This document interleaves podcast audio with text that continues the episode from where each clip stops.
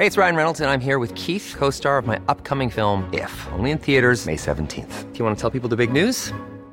All right, I'll do it. Sign up now and you'll get unlimited for $15 a month in six months of Paramount Plus Essential Plan on us. Mintmobile.com slash switch. Upfront payment of $45 equivalent to $15 per month. Unlimited over 40 gigabytes per month. Face lower speeds. Videos at 480p. Active Mint customers by 531.24 get six months of Paramount Plus Essential Plan. Auto renews after six months. Offer ends May 31st, 2024. Separate Paramount Plus registration required. Terms and conditions apply if rated PG. One size fits all seemed like a good idea for clothes. Nice dress. Uh, it's a it's a t-shirt. Until you tried it on. Same goes for your healthcare. That's why United Healthcare offers a variety of flexible, budget friendly coverage for medical, vision, dental, and more. So, whether you're between jobs, coming off a parent's plan, or even missed open enrollment, you can find the plan that fits you best. Find out more about United Healthcare coverage at uh1.com. That's uh1.com. This is Paige, the co-host of Giggly Squad, and I want to tell you about a company that I've been loving, Olive and June. Olive and June gives you everything that you need for a salon quality manicure in one box. And if you break it down, it really comes out to $2 a manicure, which is absolutely insane. It's also so easy to get salon worthy nails at home with Olive and June. The difference between how your nails used to look when you did them yourself and now with the Manny system is a complete game changer. The best thing about Olive and June too is it's a quick dry. Dries in about one minute, lasts for five days, and full coverage in up to one to two coats. Visit oliveandjune.com slash perfectmanny20 for 20% off your first system. That's oliveandjune.com slash perfectmanny20 for 20% off your first system system. Mom deserves the best, and there's no better place to shop for Mother's Day than Whole Foods Market. They're your destination for unbeatable savings, from premium gifts to show-stopping flowers and irresistible desserts. Start by saving 33% with Prime on all body care and candles. Then get a 15-stem bunch of tulips for just $9.99 each with Prime. Round out Mom's menu with festive rosé, irresistible berry chantilly cake, and more special treats. Come celebrate Mother's Day at Whole Foods Market. Den här veckan har vi en samarbetspartner som faktiskt i alla fall räddar mig just nu ska jag säga. Mm. Vadå då? Berätta. Nej, det är ju Fräska städ. Mm. Det är ju så här att jag, eh, jag vet inte, pappas bortgång och alla ungar och det är corona och hit och dit. Man är ju väldigt mycket i hemmet och jag känner så här, jag pallar inte längre. Jag, eh, jag klarar inte av det bara. Och det handlar inte om så här, jag vill att någon annan ska städa åt mig för att jag är slö. Jag, jag, rent, jag klarar inte av det, jag får inte ihop det. Och då så har jag bestämt mig för att jag ska lägga ner bara och se vad som händer. Men det händer ingenting. Men eftersom jag är en fredsivrare så har jag bestämt mig för att då ta in städ varje fredag. Mm. Och unna mig det att få komma hem till ett nystädat hem av människor som är så sjukt mycket bättre på det här än vad jag är. Men det är väl det som är grejen. Liksom. Man kan ju tycka vad man vill och man kan leva kvar med gamla så här, jante-idéer och så här, man ska fan städa sin egen skit och sånt där. Men grejen är den att jag måste säga att i, liksom, vi jobbar heltid. Vi, vi har många barn, både du och jag. Det är som sagt ett hem som brukas extremt mycket. Och skulle jag sköta det här hemmet helt själv då skulle jag behöva jobba en, en dubbel heltid. Det vill säga mitt jobb och eh, heltid i hemmet. Bara att vika den här familjens tvätt tar mig, och det har jag räknat, åtta timmar varje vecka. I know! Och liksom, ska jag då städa, jag lagar också mat, jag handlar mat och sådär. Så det är verkligen en, en både äktenskapsräddare att ta in eh, hjälp i hemmet. Men också ett sätt att liksom få mer tid för barnen tänker jag. Och som du säger, de här personerna är ju så sjukt mycket bättre på det här och kan ägna sig åt det till 100% utan att bli störda, utan att liksom... Och det som är så bra med Fresca, det är att de är ett socialt ansvarstagande företag. Alla eh, deras anställda blir utbildade i städ, de eh, tänker på miljön och de eh, använder bara svanenmärkta rengöringsmedel och deras eh, städare är professionellt utbildade noggrant. Eh, en annan grej som jag tycker är skitbra det är att kollektivavtal är en självklarhet. Och de strävar liksom efter att göra allting bättre för sin personal som har tills vidare en anställning. Det är inte helt vanligt när det gäller personer som jobbar i den här branschen skulle jag säga. En annan bra grej det är att i de flesta företag som ägnar sig åt den här typen av eh, erbjudanden. De, eh, där måste man binda upp sig och liksom boka på. Med Fresca, där kan man bara av eller omboka inom 48 timmar. Och man gör allt det här sjukt enkelt via en app. Precis. Frescappen, det är bara att ladda ner. Och angående den här myten att man måste typ städa fem timmar innan städerskan kommer, eller städaren, vilket mina tjejkompisar håller på falla ihop av trötthet över, så tycker jag att man kan lägga det på en nivå såklart, det ska inte ligga prylar överallt. Men det är samma sak här, att så här, man ska inte städa innan städaren kommer. Det är därför de är där och det vill eh, Fresca poängtera. Så mm. eh, det får man ju det där tror jag man känner av själv. Men, men det de rengör ju... inte bara. De plockar, de städar, Precis. de ställer fint. Vilket jag, eh, jag värdesätter det lika mycket som att de gör rent faktiskt. Precis. Hörni, vi har en fantastisk eh, liten surprise till er. Ett erbjudande. Som ni ska passa på att utnyttja nu och unna er. Ni får alltså 30% på två städ, de två första städningarna, om ni använder rabattkoden inte din morsa. Och eh, jag säger bara så här, Görtba, Görtba. Tack Fresca. Tack Fresca städ.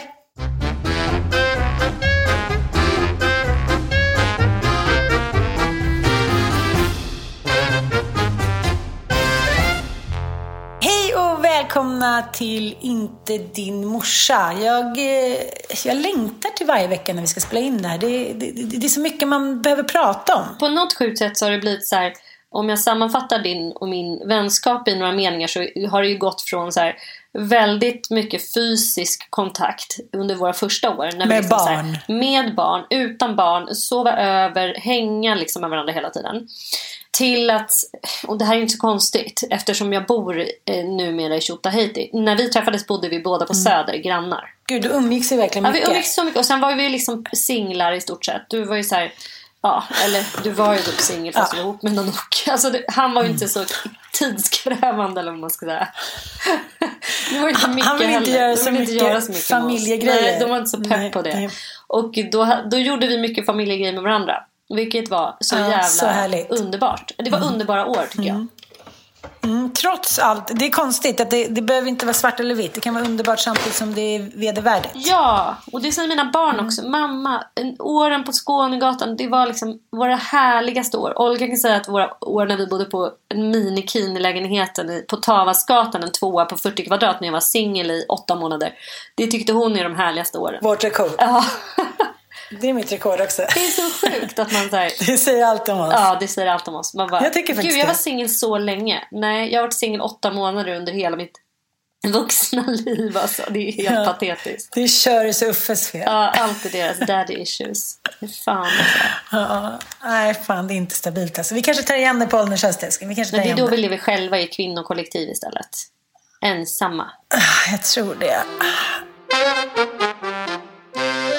just idag är jag extremt osugen på kvinnokollektiv eller jag är extremt sugen på så här, eh, kvinnor. Jag, jag, brukar inte känna så här överhuvudtaget men alltså jag, jag måste recappa lite här för jag är i någon slags eh, chock. Okay. Eh, och liksom det har i, i mångt och mycket och som oftast faktiskt att göra lite grann med mitt stall. Jag driver ju mitt inackorderingsstall.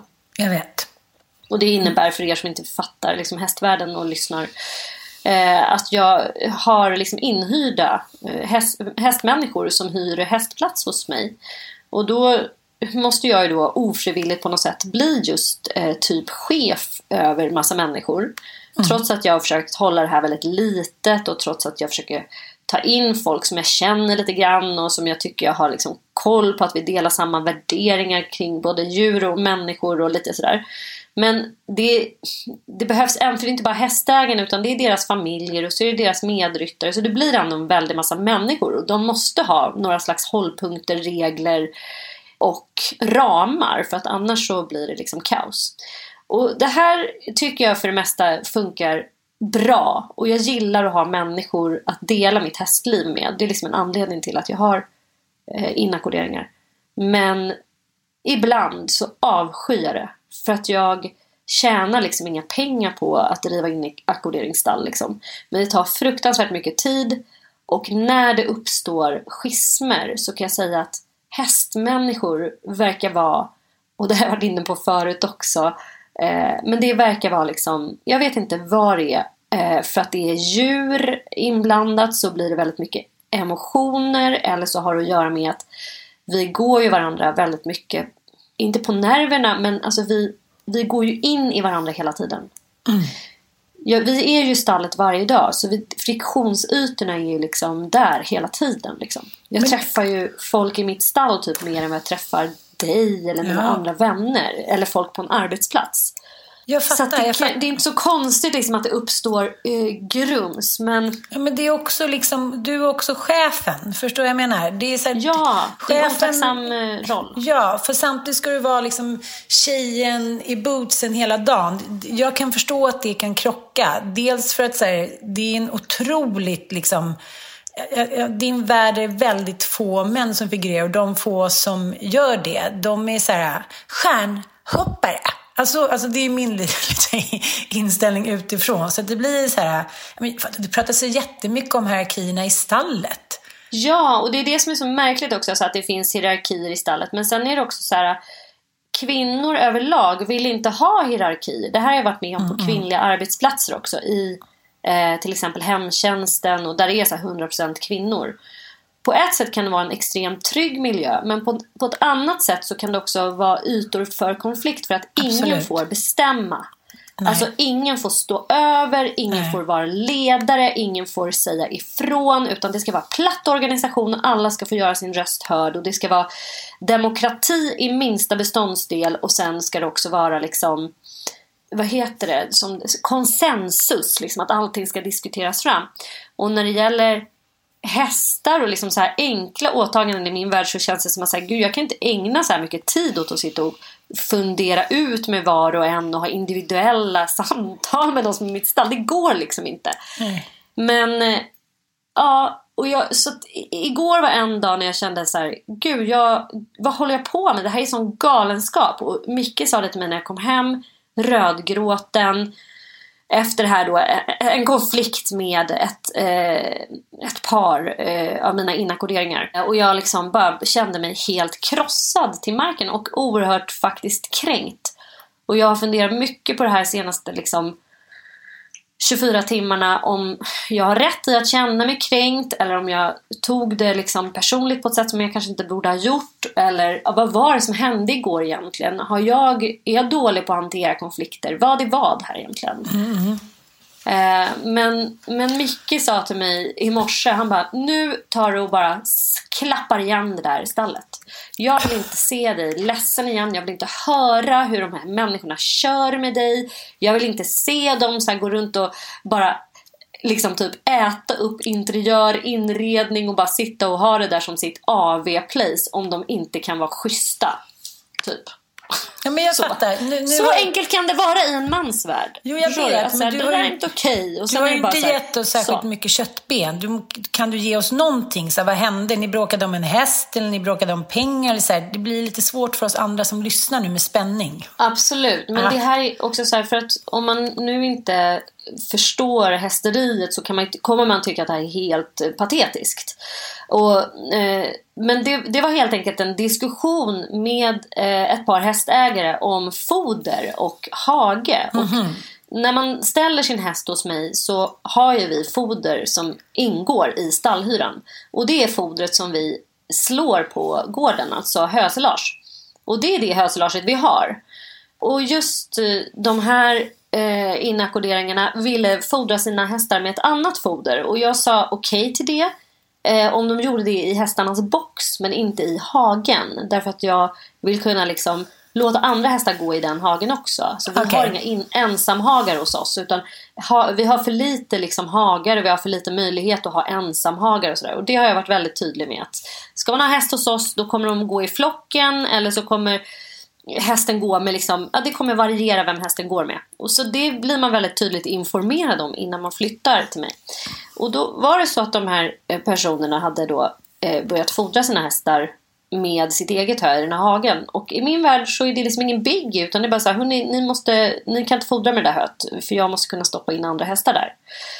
Och eh, det upplevde de som eh, eh, liksom, det blev så här väldigt sorgsna miner över det och då kanske vi måste flytta, då kanske inte vi kan ha våra hästar kvar här på ett vad jag tycker då ett ganska typiskt kvinnligt sätt. Att så här, attackera den här då eh, uppkomna konflikten med eh, offerkofta med så här lite manipulativ eh, så här, huvud på sned, jag är ledsen nu eh, och så här. Men jag försökte vara tydlig och stå fast vid att det här är det som gäller, då får ni fundera på om ni kan vara kvar här. Alltså det, det här är det som är. Liksom. Jag fattar. Och sen i nästa sekund så, så berättade de att de skulle flytta ändå till en annan stad. Och det hade, de, hade liksom ingenting med det här att göra utan de ville bara byta miljö. Liksom och liv lite grann. Och det, då var jag så här, men vad bra, när ska ni göra det? Ja, men det blir ju inte först lite senare i april, maj. Eller något sånt där. Och sen var det inte mer med det, men sen dagen efter så, då, då sa jag helt enkelt upp dem. Jag sa att så här, okej, okay, om ni ändå ska flytta, då säger jag upp ert kontrakt rent formellt liksom. Eh, första april. Eh, och så kan era hästar få äta det här höet fram till den första april. Så får ni ha en egen ensamhage. Så jag tyckte att jag var diplomatisk. Att jag så att säga gav dem två månader med en egen hage tills de ska flytta så att de slipper flytta innan dess med sina hästar. Men de upplevde det här som en väldig eh, oförrätt att jag sa upp dem. Att de inte alls visste när de egentligen ska flytta till den här andra staden och de var liksom rosenrasande, verkligen väldigt, väldigt arga. Och väldigt, väldigt besvikna på att jag eh, hade mage att säga upp dem och de som alltid har skött sig prickfritt. Och det har de. Det var liksom inte det. Utan det, det var ett missförstånd skulle jag vilja säga. Och det försökte jag också förklara. Att har ni missförstått mig? Ni får gärna stå kvar en månad till om ni vill. Behöver det. Men det var liksom en ilska hos dem som var samlad irritation skulle jag vilja säga. När man går och samlar saker, när man har gått och funderat på saker och stört sig och när man då är filterlös och känner att jag ska ändå härifrån nu så nu kan jag bara säga allt det här. Och så bara langar man fram det. Osorterat och så är man också väldigt känslomässig för att det handlar om djur och hästar som man älskar. Och så det är det jag menar. Alltså det där måste ju vara en mardröm för konfliktlösare. För, ja. ja men alltså, jag tänker så här, du försökte ju ändå vara så positiv, använda en positiv strategi och så här, kompromissa och samverka. Och så här, du försökte hitta en lösning. Ja, ja men om men... jag ska vara självkritisk så kanske jag inte lyckades då förmedla den i mitt sms till dem. Eh, och det sms här är en annan svårt, punkt alltså. som sms är, är ja. Men samtidigt så jag tycker det är jättesvårt när jag pratar med vissa personer för, som blir väldigt flytande. Ska vi göra si eller ska vi säga ah, vi får tänka på det. Så det blir väldigt otydligt. Och när man jag har liksom att göra med 20 personer i det här stallet. Då tänker jag att så här, jag försöker vara så tydlig som möjligt. Och så skriver jag ner det så att man vet också vad det är som är sagt. För att det är så lätt att man har tolkat ett samtal på olika sätt. Mm, mm. Ja men jag trodde du sa att vi fick ha vårt hö där. Nej jag sa inte det. Jag sa att ni fick ha det i boxen. Men inte i hagen. Och då har de liksom uppfattat det på ett annat Man hör saker på olika sätt. Så mm. på ett sätt tycker jag sms är väldigt så här, tydligt, bra, det här är det som gäller, det här är formellt och det är så här. Men det är klart att det kan uppfattas som okänsligt eller att man är vass, man inte hör nyanser och sådär. Men eh, till mitt försvar så försöker jag vara så tydlig som möjligt då liksom. Eh, och att man kommer ur ett samtal med en lösning. För jag blir tokig på också att det ska ta sån tid att så sitta i konflikthantering med någonting som borde vara så helt lustfyllt. Herregud, vi är ett stall, alla hästar mår skitbra. Alla har också lyxtillvaro i mitt stall, det kan jag lova. Mm. Och då blir jag liksom så här, men gud varför sitter vi ens och dillar om det här? Det här är helt bisarrt. Varför pratar vi om saker som är sjukt oviktiga. Det svälter barn i världen. Vi har liksom eh, vi, vi sitter och diskuterar liksom det ena lyxigare alternativet än det andra för ett par lyxskadade djur. Typ. Alltså, missförstå mig rätt. Fatt, fattar du vad jag menar? Jag fattar. Det är som i hundgrupper. Det är så här, du kan inte ha den där selen. Nej. Förstår du inte att den är liksom så här, Man bara, men gud, det är liksom så här, inget fel Jag känner också så här, nu under coronan när folk ska betala så 45 papp för någon jävla hund från Portugal. Jag bara känner så här, Nej men sluta nu. Ni kan ta de där pengarna som det kostar extra nu för att efterfrågan är så himla hög. Och så här, vi ska kunna rädda typ en, en hel kontinent för de här jävla hundpengarna. Förlåt att jag säger så, nu kommer folk på toka. Men, men ibland går det ju lite till överdrift. Jag mm, det går verkligen till överdrift Ja. med djuren generellt. Ja. Och det, det kände jag väldigt tydligt igår. Men, men det som ändå slog mig väldigt mycket det är att jag eh, har aldrig under mitt vuxna liv Mm. eh, upplevt en sån extremt eh, kränkande situation. Och eh, med risk för att liksom lämna ut de här personerna, jag vill inte det. Men det jag tycker är intressant i det här, det är liksom så här, att ha konflikter rent generellt.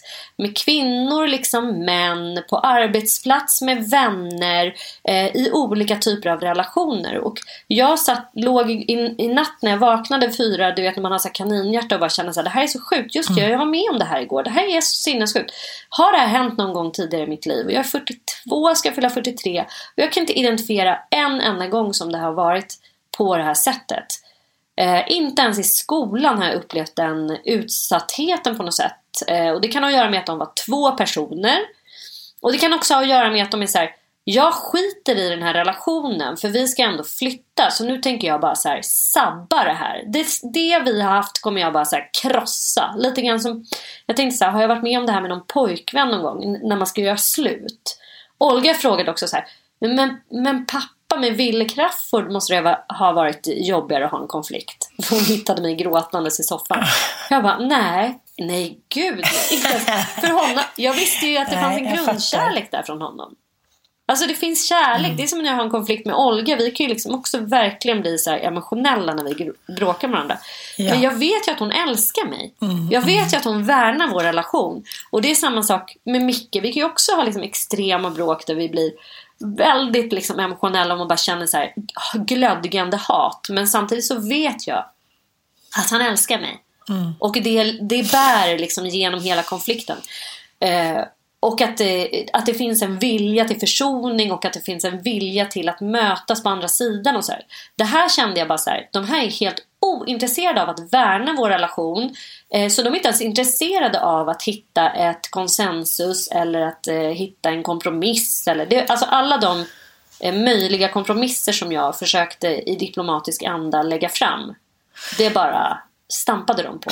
Men jag fattar. Och det, det var, jag tror att det var det som var det mest kränkande. Och att så här, nej men gud, det spelar ingen roll här. Jag skulle liksom kunna lägga mig platt på marken som en hund och vara så här, förlåt, det var inte meningen. Jag, jag sa det några gånger så bara, förlåt, ni måste ha missuppfattat mig. Det, var, det betydde ingenting. Okej, så att nu... Ja. Otroligt absurt. Så att jag, jag är fortfarande kvar i en liksom chockkänsla och i ett så läge där jag känner så här, gud jag måste ju vara en värdelös människa. För att hur, hur kan jag annars förtjäna den här eh, situationen typ? Jag måste ju vara liksom extremt dålig på att lösa konflikter eller eh, förstår du? Ja, men ja, jag fattar. Tänk om jag hade varit chef för så här 40 pers. Jag tänker så här, kvinnor och män, jag tycker det är så roligt för det som är beforskats om eh, konflikthantering, eh, det gör ju gällande att så här, det är jävligt svårt att forska kring det här för att alla beter sig så otroligt olika. Men, men det som, som sägs är ju så att killar blir ju vänner genom typ, ja men liksom en sport eller en fritidsaktivitet. Eller förstår du vad jag menar? Så här, Vi är polare inom fotbollen, pingisen och så blir de liksom polare. Eh, och då är det ju sprunget ur ett gemensamt intresse. Kanske inte så här att de sitter och, och pratar tjejer på kammaren och så här, ah, vad gjorde så hit och dit. Så som tjejer kanske är när de går in i en vänskap. Vi blir oftast vänner för att vi vill vara vänner. Förstår du vad jag menar? Så ser det i alla fall ut. Och då tänker jag så här, för det är ingen skillnad tydligen enligt forskning på hur man bråkar hur killar, män och kvinnor bråkar med sin partner. För ju, ju närmare man är, ju mer liksom, som står på risk då, ju vidare blir man tydligen. Men, men just konflikthantering då, att tjejer har en benägenhet tidigare, så här, försöka kompromissa, försöka, men när de känner sig hotade i typ i en miljö där de känner sig utsatta, då är kvinnor värre tror jag. Och jag tror att det är det det handlar om. Det är ju samtidigt ditt jobb, för ingen vill ju bråka på sitt jobb. Det är också beforskat. Så här, att man vill ju inte stå framför chefen och bara, din jävel! och-" Det händer ju sjukt sällan. Alltså, det gör man ju Ja inte men bara. för du, man vet att man ska ju Dels är det så här, det här är brödfödan det handlar om Och sen Ja. är det ju så här Jag ska vistas här hela dagarna Jag kommer inte orka med den här toxiska stämningen Så det är väl Jag kan tänka mig att den typen av utfall eh, och utbrott liksom, eh, av det jag upplevde igår. Det är väl verkligen när man ändå har bestämt sig för att jag ska gå härifrån och jag skiter i den här chefen eh, och hur den, vi kommer ha en relation framöver. Jag bara blockar honom och jag vill inte ha med den personen att göra i mitt liv. Men då undrar jag också så här, då måste man ju ställa sig frågan så här, har jag varit vidrig mot de här personerna? Mm. Är jag så att säga värd det här? För det är ändå viktigt tycker jag. Alltså man måste, nu, nu, nu har jag ju, eh, vet jag lite om den här konflikten sen förr. Men eh, jag, jag, tycker ändå att det är relevant att ställa sig frågan. För jag tror att man också kan bli väldigt självblind. Och särskilt kanske i en sån situation. Jag menar, hästarna älskar du mest på hela jorden. Men du ska också till att det här, se till att det är ett företag som här, inte knäcker dig och som går runt varje månad. Och du jobbar ju liksom stenhårt. Du jobbar ju flera timmar med det där varenda jävla dag. Och ändå ska, mm. så respekteras du inte för det arbetet för att du för att du är betald av dem. Förstår du? Det blir liksom en väldigt svår situation. Nästan inte lik någon annan. Förstår du vad jag menar? Ja, det blir ju liksom, alltså det, det är så otacksamt eftersom jag inte tjänar någonting på det här jobbet. Men de betalar ändå för det. Alltså det de betalar får mm. eh, deras hästar att gå runt. Men mitt arbete med eh, det här stallet är ju ett gratisarbete. Ah. Så för min del så jag, liksom, det är inte så här, åh gud, mina kunder som jag måste ta hand om och eh, liksom så här, behålla och så. Det, det funkar ju liksom inte riktigt så. Utan Nej. alla står till självkostnadspris. Vilket gör att då, alltså jag känner mig inte särskilt motiverad att eh, så att säga eh, så här, trippa på tå kring folk eller jobba lite extra hårt eller liksom, jag jobbar redan tillräckligt hårt som det är med det. Så att eh, liksom, ska jag analysera mig själv och vara självkritisk så har jag tänkt att så här, ska jag driv, fortsätta driva inackorderingsstall då måste jag göra det till en vinstdrivande verksamhet så att jag kan börja se på mina inackorderingar som kunder och dels ta betalt därefter och också se dem, eh, alltså ägna mig åt kundvård kanske på ett annat sätt. I don't know. Och där det blir en väldigt mycket tydligare relation. Att jag är liksom eh, chef och säljer en tjänst och de är mina kunder. Alternativt att jag inte har inackordering överhuvudtaget för liksom ingen blir rik på hästjobb. Man blir inte det. Jag kan ägna mig åt andra grejer istället och så kan jag ha mina hästar bara själv. Det finns då, det enda jag missar då är en massa härliga människor för jag har också, mitt, mitt hästliv berikas väldigt mycket. Till 80% är de inackorderingar som är hos mig helt fantastiska. De berikar mitt liv väldigt, väldigt mycket och deras hästar berikar också mina hästars liv genom att vara liksom flockmedlemmar och så det, det, finns en vits med att man är flera och jag får hjälp när jag reser bort och sådär. Men sen, jag tror att det som har hänt på senaste tid är att det liksom tar för mycket arbete i paritet till vad Ja, och då blir liksom. du stressad. Och så tänker jag så här, det påverkar ju såklart en vad man blir utsatt för en konflikt. Jag menar, du står där i ditt stall som är också ditt hem. Och jag ja, tänker det också så här, för mig är det också en sån jävla frizon. Alltså, du ja, jag fattar det. Men det är som tänk... ett terapirum. Mm. Det är som att komma upp dit och så är det så här, mm. extremt toxisk stämning. Eh, liksom att så här, gud det är precis det här jag vill fly ifrån när jag går till stallet. Mm. Jag tror att det var det som gjorde mig också så fasansfullt ledsen. Liksom, att så här, gud mm. här står jag i mitt så här, i min fucking så här, woman cave där jag bara hämtar kraft och energi och här är jag så här, står det två människor och så här, vrålar eh, ut sitt eh, hat bokstavligen mot mig. Mm. Och jag, jag, kände också så här, det, vilket jävla misslyckande, vad har jag gjort mot mig själv? Vad, jo, jag, vad är det här? Vad fan jag är det fattar, men, men, Vad är jag för liksom ja. värdelös människa? Ja, men vad fan, jag tycker det är relevant. Jo, men vadå, ja. man måste ju ställa sig den frågan. Men samtidigt så är det, det är så mycket som, som spelar in. Du har ju liksom en maktposition gentemot dem. Och när, den, när de mm. är två mot en, då vågar mm. ju de, även fast det kanske inte är den platsen där de i vanliga fall skulle våga agera, så blir det så här, nu är de så upprörda, så då triggas de igång på känsla. Och det blir någon form av maktpositionering förflyttas ifrån du som är då inom citationstecken chefen till deras mm. ilska. Och då blir det lite, även om den andra kanske tycker men för fan nu går det här för långt, så triggar, triggar ju den förmodligen ofrivilligt på för att nu är de ju två mot en. Mm. Förstår ja, det är väl någonting jag har lärt mig av den där situationen. Och, ah. Jag kommer aldrig mer ha diskussioner med liksom två personer Nej. i taget. Utan det är absolut klokast att prata en och en tillsammans. Och sen också så här, kanske inte heller accepterar den här typen av så här känslomässiga förfaranden. Att man faktiskt bara kan gå därifrån Nej. och tänka så här, hörni, vi får, vi får prata om det här när ni har liksom lugnat ner er lite när vi har en annan stämning. För det här kommer inte Men försökte vart, för det du- det. försökte ja, du göra jag det? försökte, Jag försökte avrunda och jag försökte avsluta. Jag försökte på alla möjliga sätt och vis. Eh, sen önskar jag ju liksom att någon... Det hade varit så jävla härligt att ha kanske dig där eller någon så här utomstående som bara kunde säga men hörni stopp ett tag så här. Vad fan är det ni... Det är så mycket. Han bara garvar så här, Vad fan är det frågan om liksom? Något jävla hö. Du vet så här, Ibland får man ju perspektiv. Så här, vad, är, vad är det för jävla trams? Liksom, det är lyxproblem. Det, är, det är som hästar där uppe som som har mycket jävla fint hö som helst. Vad är det att bråka om egentligen? Eller vad är det att tjafsa om? Och, och det är naturligtvis så. Men, men sen är det också den där, den där extra dimensionen av det att vi också vi går in i varandras energier hela tiden. Vi är ju där och det är vårt andra vardagsrum. Och sen är det också, tror jag, en ytterligare aspekt. Många ser stallet som sin fristad. Många som söker sig till stallmiljö kanske inte mår hundraprocentigt bra Nej, jag fattar. hur som helst. Det intressanta är egentligen inte den här eh, lilla liksom, exakt orsaken till den här konflikten utan det är bara liksom hur en sån kan, konflikt liksom, kan drabba en så jävla hårt.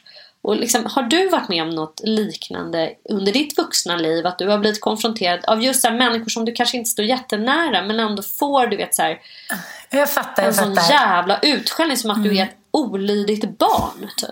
Men, men, men, om man sätter in konflikten i ett större kontext så, så är den ju spännande. För att jag menar, skvaller är ju också en del av en konflikt som vi försöker på något sätt... Men fattar du? Att när vi skvallrar om människor så försöker vi ju lära oss någonting om oss själva.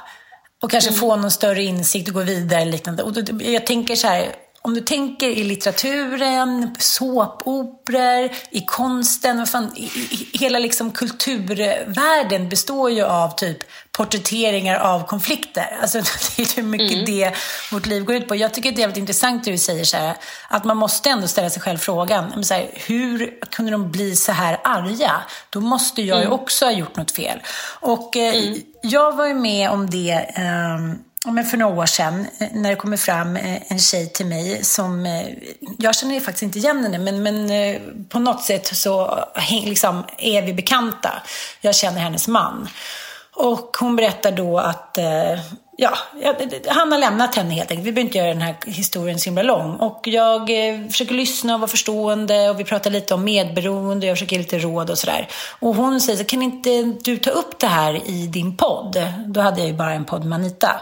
Eh, ja, ingen jämförelse, men, men det var i alla fall flera år sedan. Och då sa jag men gud det här är skitintressant ju. Så här, varför lämnar män vid en viss ålder? Och det du och jag också pratar mycket om, så här, det hormoniella påverkar såklart männen också.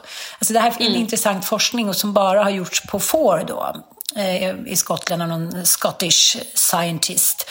Och det där är också så väldigt typiskt att så här, ja, men, problem med så här, det kroppsliga och själsliga, det ska ju alltid adresseras kvinnor. Men jag tyckte det var jävligt intressant att läsa om det här. Så då tog jag upp det i podden och eh, ja, men maskerade det som man gör då, eh, precis som du gör nu. Och sen så på sommaren så är jag med mina barn på semester och liksom, ja men du vet, man går i stilla lunk och känner sig ganska fredad. Precis som du gör i ditt stall och också de förmodligen. Och jag tror just de här vardagliga, liksom, ja, men, som mitt andra vardagsrum, det är det som också gör att man känner sig för fan själsligt våldtagen. Man blir så rädd, tycker jag, osäker och ledsen. Man- Man är liksom inte alls beredd på att bli attackerad. Och så står vi där och köper någon chips eller någonting och så bara hör någon skrika så här, din fitta. Jag bara, oj, vem är det där typ? Så bara, oj, man, du vet, man känner energierna riktas. det bara slungas där mellan purjolökar och typ eh, sommarglassar.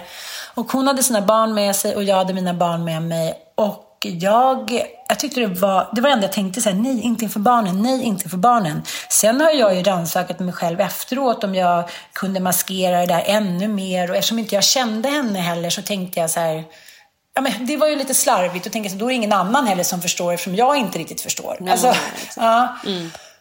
Och jag var så oförberedd. Alltså det var som att kastas in i helvetets gap. Och Frasse var ju typ så två år. Han bara, mamma hon är arg, hon är arg. Typ. Och Bobo blev jätterädd. Och Ossian var så här, jag går ut med dem. Och hennes barn var så här, snälla mamma, behöver inte bråka nu. Och så här.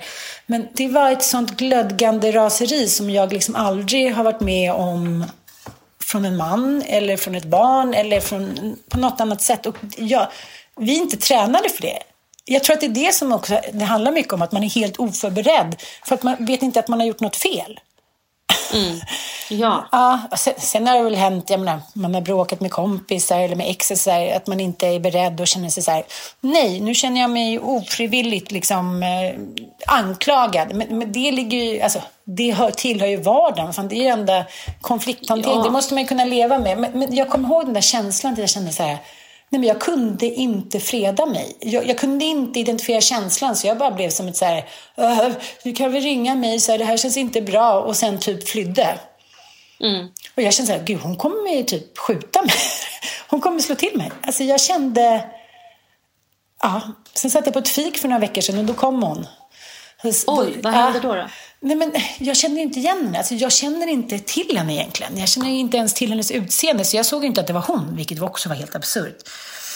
Och då sa hon lite så ironiskt, typ inför mina... Ja, jag hade nog liksom möte med någon så här, Ja, jag hade möte med någon som jag kände men ändå inte på något sätt. Hon bara, tja din fitta typ. Jag bara, och så skrattade hon till och jag tror inte de hörde. Jag bara, eh, hej! Och sen så gick hon och jag fattade inte, vem var det typ? Jag, ja, sen förstod jag att det var hon. Men då var det lite med glimten i ögat. Men vända så här, det är så oväntat och opassande just, det kanske är det också, att man sätter det i ett kvinnligt och manligt kontext. Män kan ju stå och skrika på varandra och slåss och hit och dit. Men när en kvinna liksom sänker garden och på något sätt förnedrar en offentligt, det är liksom chockerande. Man gör inte så. Det har aldrig varit liksom en tradition av att kvinnor beter sig så. Jag tror mycket kan handla om det också, tror jag. Att det känns liksom så jävla oväntat. Då är det galna ja, kvinnor det... i litteraturen ja. typ. Lida. Ja, men dels att man är såhär, taken by surprise totalt. Att man är såhär, gud, oj, jag förstod inte att det där landade så fruktansvärt fel. Liksom. Och sen att man generellt är väldigt ovan vid och det, det beror säkert på vad man för, besitter för typ av position och hur man är. Men jag generellt som ju med mitt medberoende och min dysfunktionella familj i, liksom bakåt i tiden. Jag har ju en konflikträdsla i mm. mig. Jag har ju fyra barndomsvänner som jag har varit liksom bästis med sedan jag var liten. Jag har aldrig haft en allvarlig konflikt med någon av dem där vi har stått och skrikit på varandra på det här viset som jag blev, skri som, som jag blev liksom eh, konfronterad igår. Aldrig. Det, är det bra eller dåligt liksom just, då? Nej men på ett sätt tycker jag det är bra. För att vi har varit så rädda för att förstöra vår relation. Jag fattar, jag fattar. På ett annat sätt så kan jag tänka mig att vi hade säkert kunnat behöva ha lite fler konflikter. För lite rensning. Att, eh, rensa saker. Men samtidigt så, nej jag kan ändå uppleva det som att det har, vi är ju fortfarande vänner. Vi är fortfarande jättenära varandra. Och jag känner fortfarande djup, alltså, djup kärlek och tillit till dem att de faktiskt älskar mig och vet vem jag är. Liksom. Men sen är det klart att det hade kanske varit bra att bli lite speglad ibland i när man inte är schysst eller när man mm. inte är en bra människa om någon hade kunnat säga det. Liksom. För det är man ju inte alltid. Där det får jag... man också sluta tro. Nej det är man inte och där måste jag säga att jag älskar ju din och min vänskap. För att du kan pinpointa att jag inte är felfri. Och jag kan göra det till dig. Vi kan bli ovänner ibland.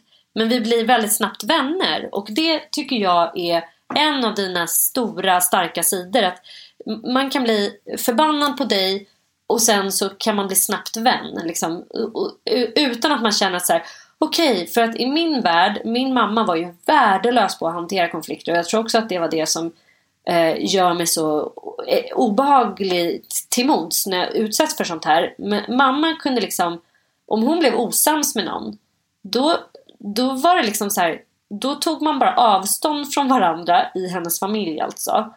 Och sen eh, pratar man inte om det och sen glider man kanske eventuellt tillbaka till varandra fyra, fem månader senare. Mm. Liksom. Aldrig så reda ut vad det var som hände, aldrig be om ursäkt, aldrig vara så här förlåt gud jag tog i igår, jag är ledsen, jag var emotionell, det var, det var inte meningen liksom. Utan så här, bara så jävla hårdnackat hålla på sin ståndpunkt, sin rätt till att bli arg, sin rätt till att kränka och så vidare. Så, så mamma och pappa, båda de två har ju liksom den typen av person. Pappa har ju mer den här typen av personlighet som kanske de här stalltjejerna har. Att så här, han är ju en samlare. Han har inte konflikt överhuvudtaget. Jag har bråkat med min pappa en gång i mitt liv. Och det är det värsta jag har varit med om i mitt liv. Varför då? Nej men för att då kommer det så, här, så jävla giftiga saker. Då är det saker som är så otroligt uttänkta. Det är saker som man har gått och stört sig på. Du vet som är så, det, de är så här, giftpilarna är placerade perfekt mellan ryggkotorna så att man bara Åh! Du vet, Ja, ja, skriker fattar, till liksom bara så här. Och allt är ju på något sätt så här, det är så sinnligt uttänkt Mm, och planerat anfall så att man verkligen ska förlora fotfästet liksom. Att väcka skam hos någon annan, Mm. att få någon annan att känna sig liten och skamsen och så här. Och jag ska ha sagt utan att hänga ut honom som en despotisk människa, det har jag gjort tillräckligt i den här podden. Men han är liksom faktiskt en väldigt, eh, jag uppskattar att- han inte söker konflikt och att han inte har varit det. Han är kanske också typiskt ganska svensk. Konflikträdd människa som går och aktar sig. Och för det mesta så blir det inga konflikter. Men när man väl konfronteras med honom så har han inga verktyg för hur man vevar så att säga. Nej, Utan jag det blir fattar. jävligt hemskt. Ja, men jag tänker så här, det är också beforskat att så här, svenskarna är ett konflikträtt folk. Det, det, det var ju några gubbar som gjorde, nitt- ja, jag tror att den kom ut 1975 eller något sådär. För jag läste om det här igår för att jag, ja. Konsensus är ju extremt Ja. svenskt. Att Ja, man ska precis, sitta precis. Mm, och komma överens om grejer. Ingen får bestämma. Utan så här, det är liksom den svenska modellen är typ eh, grundad på det. Och svensk företagskultur. Så typ när man reser till. Kina. Ja, den rödgröna. Och typ om man så ska börja göra business med Kina. Då måste man liksom gå kurser i hur man liksom ska bemöta människor. För man kan inte köra konsensusmodell. Och kineser å andra sidan får lära sig konsensusmodell så att de ska fatta vad det ens är som försigkommer på liksom, svenska möten. Typ. Det är därför det finns också tyvärr jävligt många dåliga chefer i det här landet. För att de ska sitta på sina höga hästar. Men de har, vi har aldrig fått utbilda oss i hur en bra chef ska vara.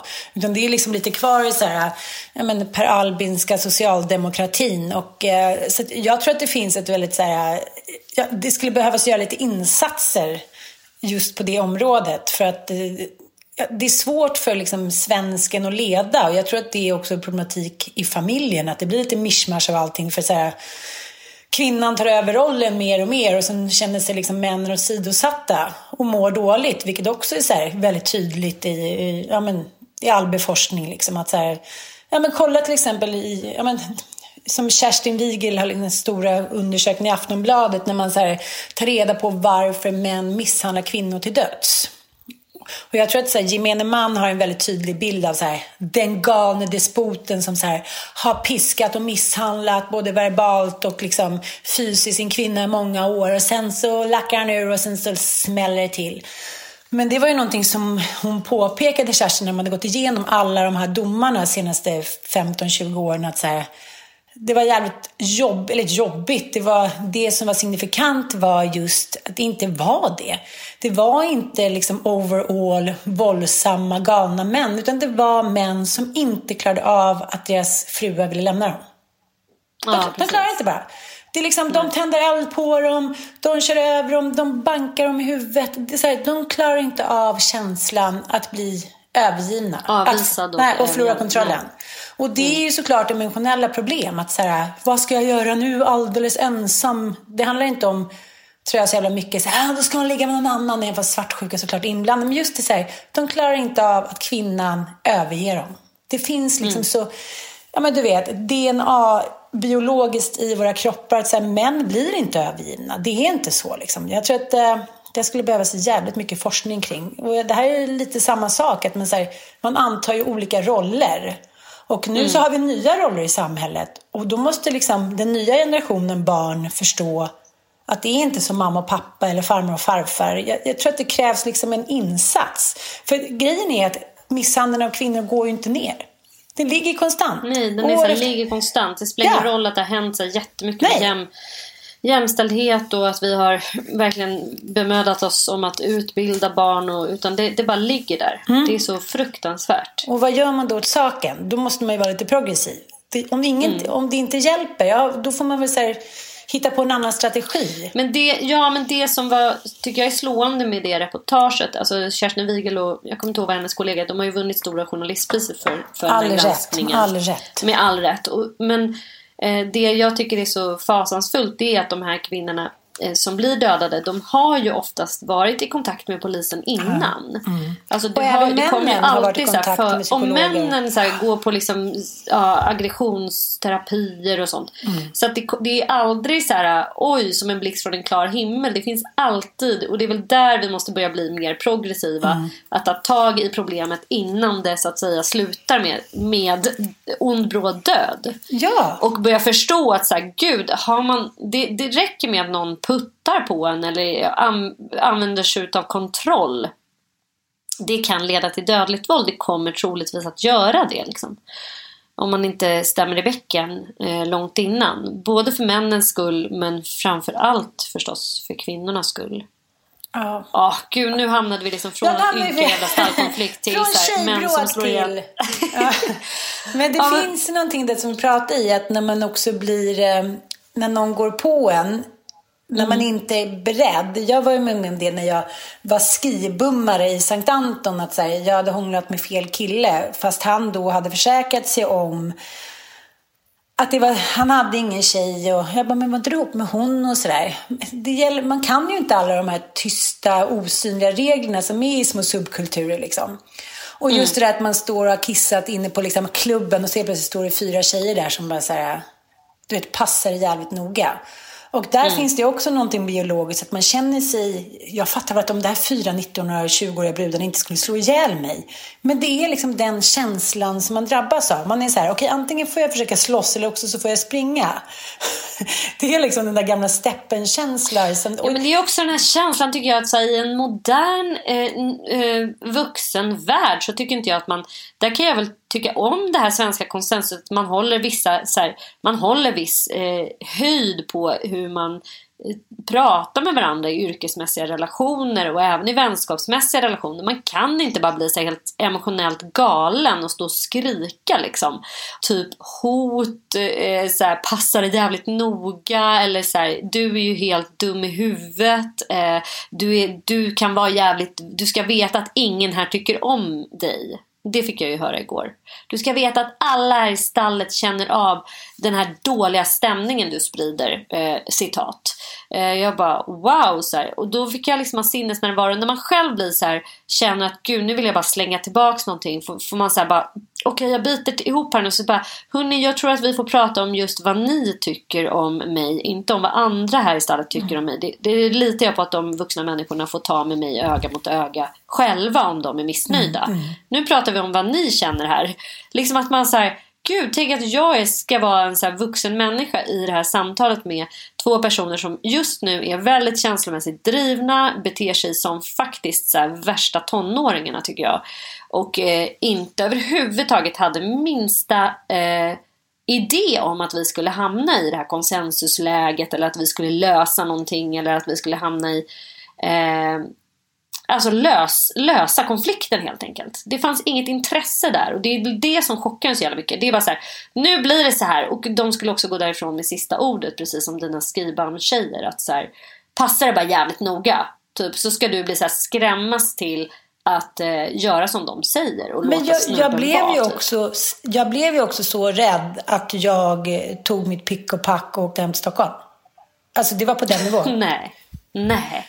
Jo men grejen är så här, det är också sånt här som man måste fan förbereda sina barn på. Att om man åker till sådana små, jag vet inte om man ska kalla minisamhällen eller subkulturer. Då måste någon, man måste liksom göra sin research. För det som jag fick lära mig när jag kom dit var då att ett, man knullade inte med någon inför öppen ridå. Man hånglade inte lite, utan man möttes borta vid, eh, gud, vad hette han som hade hamburgeriet? Ja men, Bögers hamburgeri som låg liksom mot slutet av vägen. Där möttes man om man ville hångla eller gå hem med någon. Så att det inte blev att man skulle få stämpel som, som hora. nu låter det som att det är så här tyskhornen 1945. Men, men det fanns massa sådana regler som jag och Stina som kom dit så här, Wihoo! Men, lite naiva kanske, lite bortskämda, kom dit och kände massa folk och liksom bla bla. bla. Vi spelade inte kvinnospelet. Precis som, mm. som var så chockerande som jag berättade att den här kvinnan kom fram till mig på ICA eller de som började bråka med dig. Vi gjorde inte det. Vi, vi bodde på hotell, vi låg med alla killar, vi festade, vi jobbade inte. Vi var liksom prinsessorna av ärt, på ärten. Mm. Och det får man inte vara. För att om man ska delta i ett sånt där samhälle, om man inte är the biggest star som har varit där tio år i så här okrönt skidåkardrottning, bum. Då får man bete sig hur fan som helst. Men inte när man kommer som rookies. Då måste mm. man liksom anpassa sig efter hierarkin. Och det har ju alltid varit i och för sig ett allmänt problem för mig. men, men jag blev så drabbad, alltså jag blev så chockad och drabbad av vi hade inte förstått spelreglerna och fick därför åka ut. Förstår du vad jag menar? Ja, jag fattar precis. Mm. Och jag kan tycka det att det är just sådana saker som man måste här, förbereda sina barn på. Vare sig det handlar om ekonomi eller liksom vänskap eller kärlek. Att så här, man måste ändå tolka och dechiffrera reglerna i den kultur man är. Mm. För man kan inte bara gå in och liksom... Sen tycker jag fortfarande att det där är helt vidrigt. Och det är roligt för jag umgås med, just nu, eller sen några år tillbaka, med en av tjejerna som stod där på toaletten. Mm. Och eh, jag kommer inte ihåg att det var hon 20 år senare, så nu är det lite för sent att bara Vet du, jag kommer ihåg. Men det är just den där känslan att man tror att man är på en säkrad plats. Mm. Och, så är man och det är därför jag också tänker så här, det som det har pratats alldeles för lite om, men just det här med, med freeze-begreppet under en våldtäkt. Att alla är så här, varför slogs du inte? Varför sprang du inte? Eller så här, varför gick du inte bara från snubben som misshandlade dig? Nej, jag är i en trygg kontext. Jag blir så mm. överrumplad av det här. Jag, nu ska jag inte jämföra äpplen med päron, men förstår du den känslan att man är så här, nej men jag bara gjorde mitt bästa och är en bra person. Och så kommer du och liksom, du tar över vem jag är. Du bestämmer. Du bestämmer min kropp eller du bestämmer hur jag är. Och så säger du att det tycker också alla andra. Det, den är svår. Man måste vara ganska, och du är ändå ganska tuff och jag med. Men det är svårt att hantera. Ja, det är svårt att hantera just eh, eh, alltså när man blir så bemött med väldigt så här, stor ilska. Och jag tänker, det måste ju finnas yrkesgrupper som såklart eh, är med om det här hela tiden. Jag tänker lärare till exempel eller eh, Gud, jag hade ett samtal faktiskt också med en mamma som var väldigt upprörd på att en av mina söner då hade betett sig oschysst. Mm. Men det, om jag nu ska försöka hitta någon, något tillfälle när jag liksom blir bemött sådär känslomässigt. För det, det är där jag på något sätt förstår att människor förlorar sig och inte klarar av att hålla det sakligt. Där man börjar generalisera och då man, där man kort sagt börjar bli elak. Alltså man går på grejer som inte... Det, sakfrågan, man glömmer liksom vad sakfrågan är. Och så börjar man liksom attackera personen istället med liksom personangrepp. Och det var det som hände igår. Att liksom, från att vi diskuterar hö, halm i en hage ah. och liksom uppsägning av en stallplats när en flytt ska ske eller inte.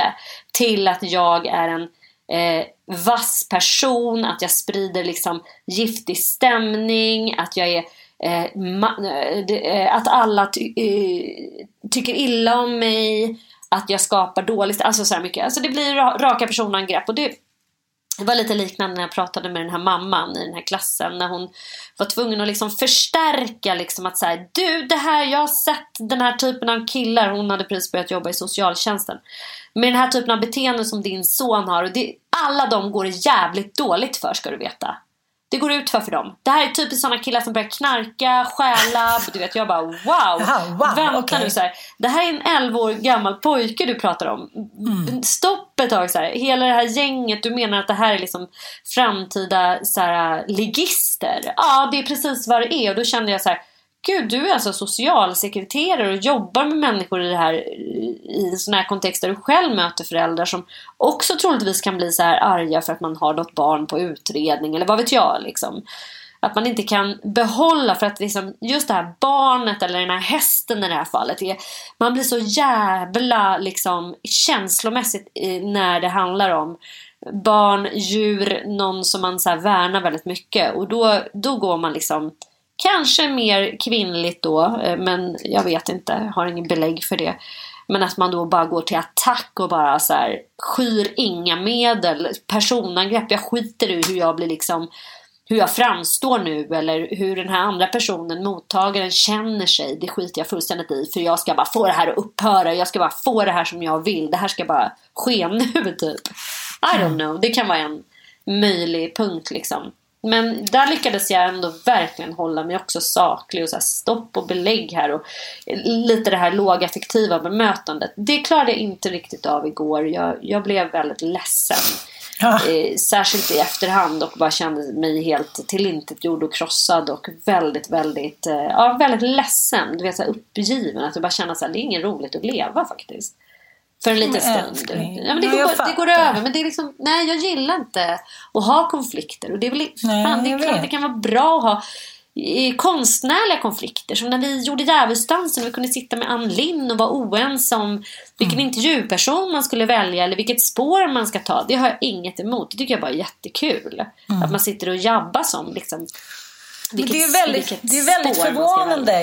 Ja, men vi har pratat om det där förut att jag jag tycker när man känner sig orättvist behandlad så måste man också rannsaka sig själv. Och det har, ju du och jag hamnat i någon konfliktsituation med jobbet, när vi har jobbat på samma jobb. Jag känner så här, nej nu tycker jag inte att ni, eh, alltså, det, är inte, det är inte paritet till det här att man så här, konfliktundvikandet som jag också kan tillämpa som också är en strategi, den undvikande strategin. Liksom. Mm. Och jag tänker att det handlar också jävligt mycket om social kompetens och kanske mod. Att man tror att man så här, jag vet inte, kan det handla om att man tror att man kan hamna utanför grupper om man vågar ställa krav eller vågar ifrågasätta så här, det kanske handlar om att vår medberoendekänsla också. När man har varit under uppväxten så förstår man inte varför det helt plötsligt är en konstig känsla i familjen. Mm. Och jag, du vet, när man identifierar den, jag hatar den så mycket, när man inte har fått en förklaring till varför någon är sur eller sur på en själv. Och, Mm. Jag vet inte. Jag känner att det tycker jag är så jävla eh, svårt att liksom leva i. Jag tänker också de här konfliktlösningsstrategierna, de är ju såklart jävligt olika från kultur till kultur. Jag tänker i USA när man ser men alla de här kända målen som också går på tv eller när de gör ja, gör filmer om dem, ja, men som så här, de som är liksom anklagade för olika mord. Ta till exempel O.J. Simpson. De mm. använder sig av den här strategin. Först så här, vaggar in klassiskt, vagga in en i trygghet och sen precis när man känner sig trygg så bara But you, you wanted to have sex with him, you had sex with all the guys in the school. Man bara alltså, ja, att, att jag tänker att det är lite det det handlar om igår också. Du tycker så här, jag har varit schysst, jag har funnits där, jag har gjort det bästa jag kan. Sen kanske man också såklart ha tillkortakommanden som chef eller vän. Det sker ju hela tiden. Mm. Men, men det är just det där överrumplandet. Jag tror att det påverkar så himla mycket. Men sen handlar det också om empati säger, såklart. Jag, ja, men jag tror också att det handlar om empati. Och för mig var det precis som när eh, den här kvinnan attackerade dig med sin ilska i ICA-butiken. Jag hade mm. faktiskt min, min lilla eh, pojke med brutet ben med i en vagn. Och då då har man ju på något sätt något slags ansvar som förälder också. Att dels mm. vill man inte liksom själv bli stor och så här, gå upp på samma nivå och så här skrika nej, nej, emot. Nej. För att man säger, gud barn med. Jag tycker inte att barn har med vuxna konflikter att göra faktiskt. Mm. Eh, och barn tar väldigt illa vid sig. Och det gjorde också att jag blev väldigt värnlös och skyddslös i det på något sätt. Mm, mm. Eh, därför att man har sina barn, man vill inte skrämma dem. Man vill inte eh, försätta dem i en obehaglig eh, stämning överhuvudtaget. Men ja, Nej, som sagt, det här är ett never-ending liksom, dilemma. Hur man ska bli bättre konflikthanterare. Och jag, är ny, jag, jag vill fortsätta med det. Vi, vi har ju gjort ett stort arbete med det i och med att vi har jobbat med vårt medberoende. Liksom, och mm. Hur man konfronterar personer med beroendeproblematik utan att bli kränkande till exempel. Och mm. Hur man har ett lågaffektivt samtal med en person som är påtänd. Alltså, vi har jobbat med det här sjukt, sjukt mycket. Och därför blir, känns det också som att så här, herregud, jag har verkligen...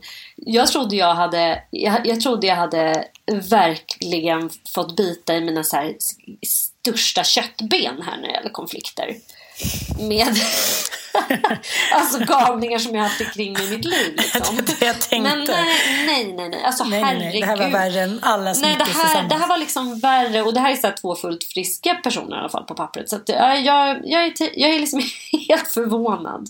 Men ja, vi, vi, ska liksom, jag tänker att vi ska lämna det och avrunda det. Och eh, ni som lyssnar, eh, vi, vad härligt det är, vill vi bara säga det. Ni kommer med så mycket härliga förslag. Och vi fick ett förslag här. Eh, dels har vi fått sjukt mycket respons på vårt avsnitt om vibratorn. Ja. Så många lyckliga människor som har eh, skickat Ja. DMs. Bara tack gode gud, jag har provat den här nu och jag liksom, jag hade en tjej som skrev att så här, jag gjorde precis som du sa. Jag provade den i mitt minst kåta ögonblick och jag har aldrig haft en sån intensiv orgasm i hela mitt liv. Det här är helt bisarrt. ja, mycket bra. Jag är fortfarande inte, men snart Ja, och sen fick vi förslag också att vi ska titta på, vi ska, liksom så här, det älskar jag när, när ni gör, att ni så skickar eh, ni skickar tips på kultur som vi ska eh, ta del av för att sen utvärdera och tycka till om. Så till nästa vecka så ska vi faktiskt ta tag i ett av de här tipsen. Det är eh, en dokumentär som går i SVT. Ni som lyssnar kan gärna se den också. Eh, som handlar om ett syskonpar som hanterar liksom sin uppväxt på helt olika sätt. Apropå att vi har pratat mycket om det i podden. Är det Så den där ska vi- Kapernaum, eller vad den heter? Ja, precis. Ja, den har jag också fått tips om. Ja, den måste vi titta på. Ja, ja gud Ja. vad spännande. Ja, då gör vi det. Spännande, så det har vi som läxa till nästa gång. Jag måste avsluta med en grej bara. Ja, Jo, men för grejen är det här att man... Att, du vet ju både du och jag, vi har ju liksom... Ja, men vi har ex och vi kanske inte alltid har hanterat konflikterna bra med våra föräldrar och syskon och de som står nära och kära. Vilket också den här forskningen säger att ju närmare man är, ju svårare är det att hålla liksom en god ton eller hålla sig på någon sån av liksom, lösningsstrategi. Utan ju mer känsla, ju mer blir man där. Men, men det som också är så tydligt i den här forskningen är ju att barn, och särskilt pojkar då, som har sett sina föräldrar sköta konflikthantering eller ja, dåligt eller varit våldsam och liknande, tar efter det beteendet. Så att jag, jag- jag fick mig liksom en liten tankeställare. Jag bara, gud, alltså inte för att jag någonsin jag och mitt ex eller jag och mitt ex, det är inte så att vi har slagits inför barnen. Men det kan ju ändå ske så här, ja, men dålig verbal höjd. Och lite så här, ja men irritation nästan. Oj, där stod du då. Nu, nu råkade jag kanske tycka till det lite när jag gick förbi och så här.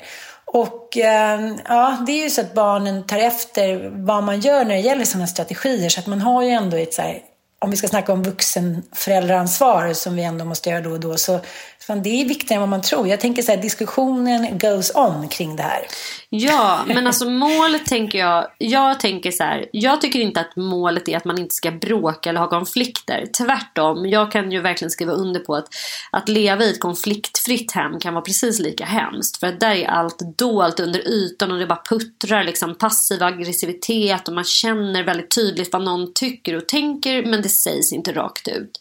Så mitt mål det är lite mer att bli så här, lite sydfransk, lite, i alla fall den typen av fördomar vi, vi har kring de kulturerna. Att man så här, man får gärna bli lite arg men sen ber man om ursäkt. Man får gärna liksom vara lite känslomässig men så ber man om ursäkt. Den där ursäkten, det där förlåtet, det där känslan av att säga Gud förlåt att jag blev så emotionell igår. Jag, jag blev det och det var inte schysst men det är okej. Jag brukar tänka på det att det är mitt viktigaste verktyg som mamma. Ibland blir jag också liksom orättvist arg på mina barn och liksom fräser till eller är otrevlig någon morgon när man är svintrött. Liksom. Säga förlåt att jag var, jag var otrevlig, jag var jättetrött. Att man liksom tar det bort ifrån dem och förklarar det med att så här, jag var trött, jag hade inte ätit eller jag var emotionell eller jag fan, hade PMS eller liksom så. Eh, att man faktiskt kan be om ursäkt. Micke är min största lärare, du är min största kvinnliga lärare. Du är mästare på att liksom, förlåt, det var inte meningen.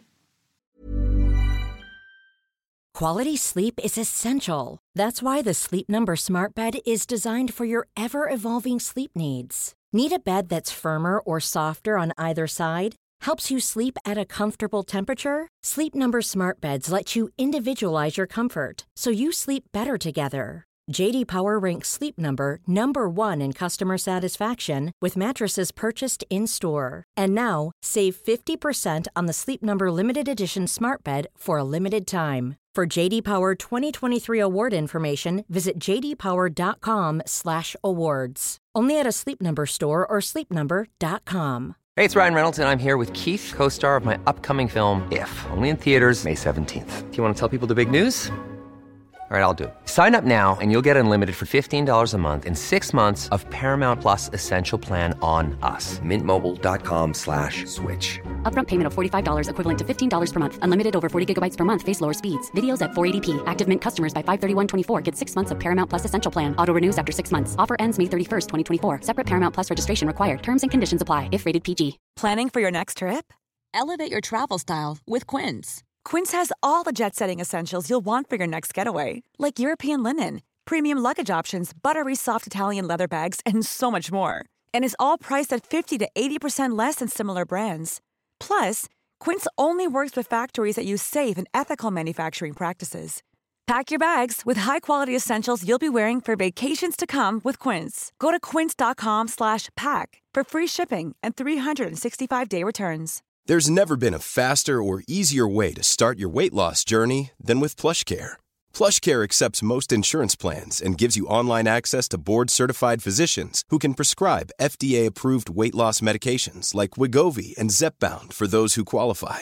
Take charge of your health and speak with a board-certified physician about a weight loss plan that's right for you. Get started today at plushcare.com slash weight loss. That's plushcare.com slash weight loss. plushcare.com slash weight loss. Och det Micke är jättebra på att be om ursäkt också. Eh, och, och det, jag är så tacksam för det. För det är liksom, annars skulle vår relation vara över. För jag, kan, jag är väldigt dålig på det. Jag är väldigt dålig på det. Det sitter väldigt långt inne och då brukar jag försvara mig med och säga så här. Ja fast vadå? Jag brukar, typ som min egen morsa och farsa. Jag, jag bråkar aldrig och när jag bråkar då gör jag det av en anledning. Det vill säga att jag måste liksom korrigera dig för att du du fattar. Jättemoget. Och då har jag rätt. Precis. Att Då kan jag bli till mig hur som helst. Ja. Nej, skärpning. Vilket är helt urusel, ologisk eh, resonemang. Men eh, vi, vi, vi finns till på det här jordklotet för att växa som människor. Ingen, ingen är felfri. Eh, och, men vi kan alla liksom försöka korrigera saker som har gått fel. Så jag återkommer i ärendet. Det ska bli väldigt intressant att se om det har hänt någonting efter en vecka. Jag ska göra vad jag kan för att lösa den här konflikten. Jag vill väldigt gärna inte ja, sluta som ovänner med eh, de här eh, personerna. Så jag, jag ska försöka, jag ska ge er en liten uppdatering nästa vecka. The Cliffhanger. Ni får höra mer i del två nästa vecka. Inte din morsa. Puss och kram!